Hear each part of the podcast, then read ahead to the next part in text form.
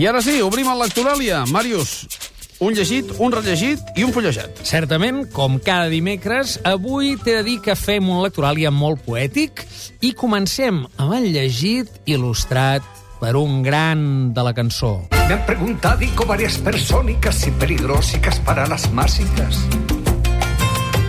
Son las canciónicas agitadóricas, hay que preguntica más infantílica. Mazúrquica modèrnica, que devia ser del Terrer Serrat. Sí, eh, el Joan Manel Serrat ho va afegir en aquest disc on ell jugava fins i tot amb aquest nom. És una És cançó... el disc de- més Màrius de tots els discos, Totalment, Serrat. és el meu preferit, naturalment. Eh, allà fa anagrames i bifrons i de tot. I recupera aquesta cançó que en realitat és de la Violeta Parra. Sí. Eh, I que és una cançó que quan te la sents dius en quina llengua canta aquest home, no? Perquè el que fa és afegir-hi com en un joc infantil aquestes terminacions, no? Eh, que és una cançó molt crítica, eh? De, eh, eh, tanmateix, i em serveix en bé la mar de bé per il·lustrar un llibre que si no en parlem aquí no en parlarà ningú. Uh, I és un gran llibre. Es diu Almanac, acabat amb K. Uh -huh. Uh, el seu autor és Rodolfo Franco, que no és molt conegut, malgrat aquest cognom, que diguem que, que una, una cosa franquista que ens amoïna, no? I està editat per una editorial minoritària que tanmateix distribueix i el trobareu a totes les bones llibreries de Catalunya. Aristas Martínez Ediciones. Però escolta, en tot plegat sembla un enigma en si mateix. Què és, és això? com un enigma, perquè si tu el mires, observaràs que té un aspecte d'almanac. Del manac amb una noia nua a la portada. Sí, bé, una mica el manac de...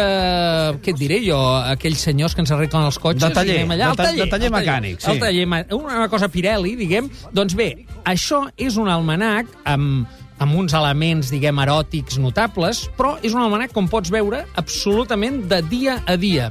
El que ha fet el Rodolfo Franco, que és un poeta brasiler, de, però que escriu, viu a Extremadura i escriu en castellà, Sí. és il·lustrar tot un any concretament l'any 2064, amb poemes, jocs de paraules i diversos artefactes lingüístics, un per cada dia de l'any. I és com si tinguessis allò, l'agenda del dia, i miressis, i per exemple, si miréssim avui, que és dia avui, avui. 10 Falta de que siguem novembre... al 2064. Exacte. D'avui en uh, 54 anys que estarem aquí... Frescos. Bueno, no, no sé on serem, però estarem bé, estarem bé. D'aquí mig segle i 4 anys, mig le- segle i una legislatura, imagina't. Ui, eh? Molt bé, Potser doncs... això és el més dur, eh? El, el més dur és la legislatura. El mig segle, qui dia passa, mig segle empeny. Doncs aquí en Rodolfo Franco hi afegeix i veus fa com una mena de joc eh, de lletres, que és un anagrama, alfabetos, beso fatal. I al costat hi posa Bajo la guardia, un amor de vanguardia, ¿cuántos cogemos? Mm, que són poemes breus, alguns propers a l'aforisme, té alguns tipus d'anagrames que són sensacionals. Per exemple, jo te n'he destacat uns que diu sindicatos dinàsticos. Les mateixes lletres de sindicatos li surt un missatge dinàsticos. Monarquies, anarquismo. I es veu que l'home té un punt de revolucionari. Diu, democràcia comerciada. Mm. Navidad, vanidad. Bé, això són jocs eh, verbals en un estil... Jo he vist que hi ressona molt, i ell és un gran amant de Joan Brossa, per exemple. Hi ha molts poemes visuals. Concretament, hi ha 2.060... Eh, no, 2064 és l'any, eh? Hi ha 793 peces verbals i 72 que són poemes visuals, no? Um, també hi ha aclocades d'ull per lectors que els agradi doncs, Caetano Veloso, uh -huh. molt proper a la seva estètica, però també de poemes de Mayakovsky o de William Blake o del, com et deia, de Joan Brossa. És una proposta de llibre global. L'ha dissenyat ell mateix, té aquest punt de dibuixos certament eròtics, en alguns casos, és molt carnal, eh, molt, un carnaval, diguem, lletrat, molt a prop de Rabelais. I té la gràcia que és un almanac, cada dia pots llegir-te'n un trosset. Per Suporta tant, el seu terreny. Però saps què m'ha recordat? Què? De format, i em diràs, no té res a veure, i, i, i et diré, tens raó. El llibre de los abrazos. Té alguna cosa a veure. té Aquells alguna cosa a dibuixets, veure. aquells textos, però que al final Ell en és, diu- és un llibre molt autodissenyat, no? Eh, totalment. Ell en diu textículos, i amb tota la raó, perquè són textos breus, sí. diguem, eh? Que no seria el cas del... de No seria el de los abrazos, abrazos, eh? Aquí hi ha la, la gran diferència, però en canvi sí que té aquest punt de miscel·lània. Uh Mhm. -huh. Per tant, no, no admeten una lectura, diguem, lineal, o no, no li cal una lectura Això lineal. mateix. Tu entres per on vols, no? I en aquest sentit, clar, el calendari sí que li dona, doncs, eh, en fi, mm, el que tenim tots al cap com una agenda, no? Com, com, la, com el llibre que tenen molts comerciants i van apuntant allò, el llibre del senyor senyor Esteve, eh, del Santiago Rossinyol, que va apuntant les coses del dia. Doncs aquí hi ha, i alguns són troballes sensacionals, molt, molt dissenyades per ell, amb un punt artesanal que l'acosta al món aquest eh, preindustrial, una mica hippie, diguem, eh? És- és Aquí, allò- miércoles 6, Sí. par lamento. Exactament. Això és el que se'n diu tècnicament un encast, o ell en diu un empotre, que vol dir una paraula dins d'una altra.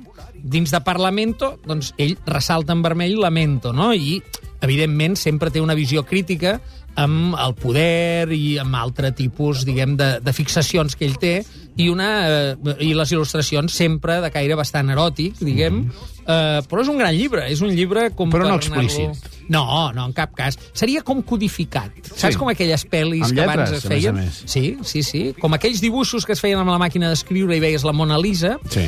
Aquí, Mona també, però ben bé Lisa no. No. Eh? Eh, 4 M's i, Sí, a- senyor. i aquests mots clau. Mots claus, claríssim joc verbal, també poesia, també revolució, plaer, sexe i fins i tot política. Oriente Miedo,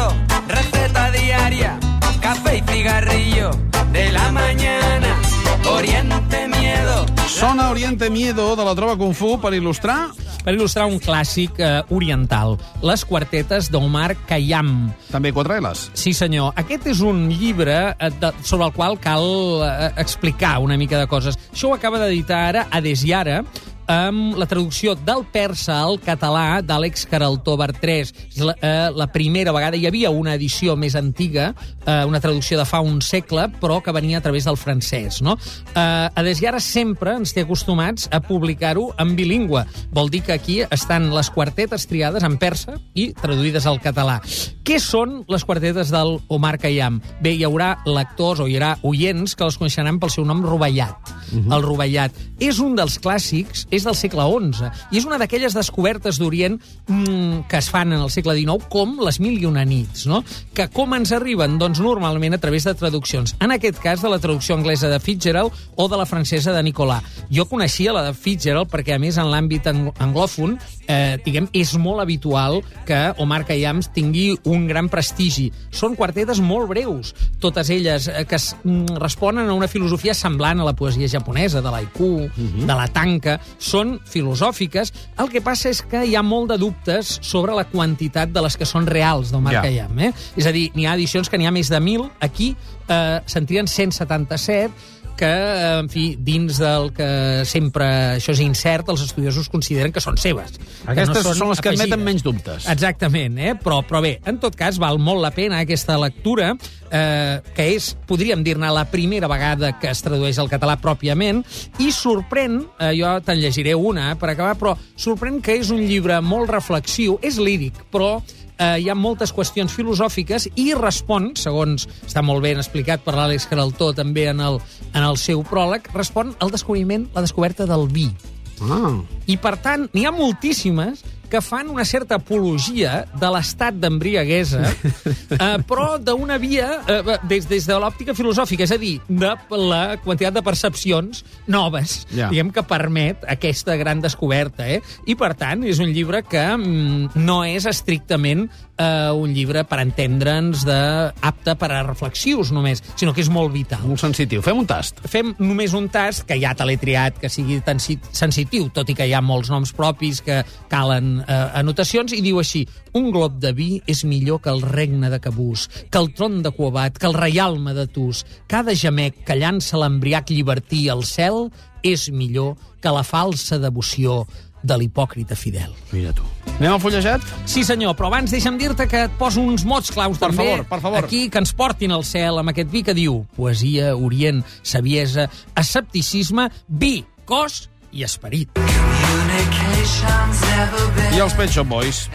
Sí, senyor, això no, no sé si és cos o esperit, vindria a ser... La cançó es diu Email. e-mail directament. Jo te la poso per il·lustrar-te un llibre que, a veure, no vull ser dur, intento parlar sempre en positiu de tots els llibres que Però- tenim aquí. Però avui mm, faig la pregunta de per què. L- L'he fullejat només, eh? Però és, tens un e-mail que ja sabem que ve de la pel·lícula, oi? Però diu, la guia imprescindible per redactar correus electrònics eficaços. Home. De la Teresa Baró, i això està editat a Columna. És un llibre d'autoajuda? Ajudar-te de què? Eh, mm, a veure, no, aparentment, i, i està tot eh, de, posat com a guia de redacció.